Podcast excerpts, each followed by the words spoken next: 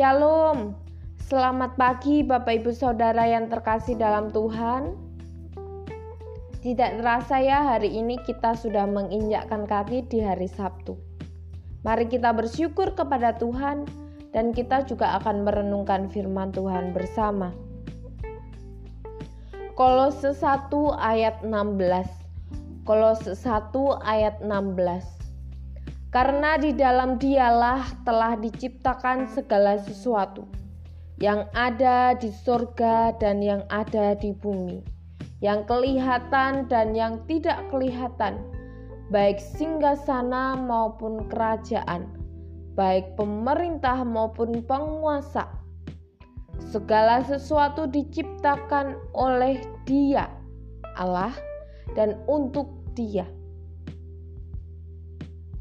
Bapak Ibu Saudara, ada tiga pertanyaan yang mendasar di dalam hidup ini yang sering menjadi pertanyaan bagi kita semua. Yang pertama, mengapa aku ada di sini? Yang kedua, apakah hidupku berarti? Dan yang terakhir, yang ketiga, apakah tujuanku ini di sini? Bapak, ibu, saudara, jika kita ingin tahu mengapa kita ditempatkan di bumi ini, kita harus memulainya dengan Tuhan. Kita diciptakan di dunia ini, kita dilahirkan, kita ada oleh tujuan.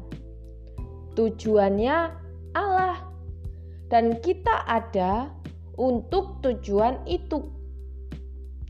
Bapak, ibu, saudara, ketika kita melihat ada suatu penemuan yang belum pernah kita lihat atau kita temui sebelumnya, kita tentunya tidak akan pernah tahu apa tujuan dari penemuan itu. Dan penemuan itu pun juga tidak dapat memberitahukan kepada kita. Hanya Sang Pencipta atau buku panduannya lah yang dapat menunjukkan tujuan itu kepada kita. Demikian juga dengan kita. Hanya di dalam Allah saja, di dalam firman-Nya lah kita dapat menemukan asal-usul kita, identitas kita, makna diri kita, tujuan kita, arti penting dari setiap diri kita, dan masa depan kita.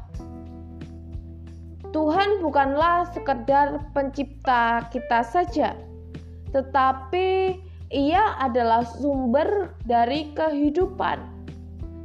Kita diciptakan oleh Tuhan, dan sebelum kita memahami itu, hidup kita tidak akan ada artinya.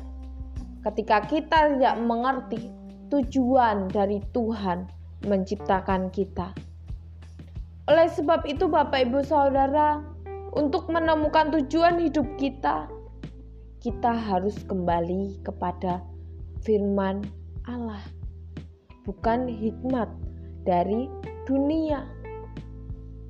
Mari, Bapak, Ibu, saudara, bangunlah kehidupan kita di atas kebenaran-kebenaran yang kekal, yakni firman Tuhan yang jelas membawa kita pada tujuan hidup yang kekal yakni memuliakan Allah.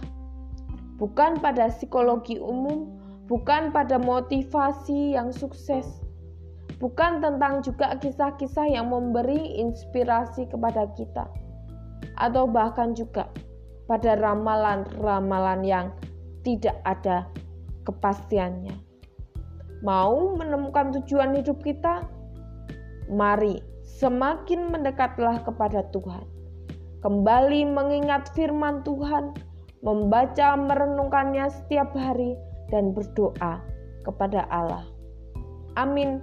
Tuhan Yesus memberkati kita semua. Shalom.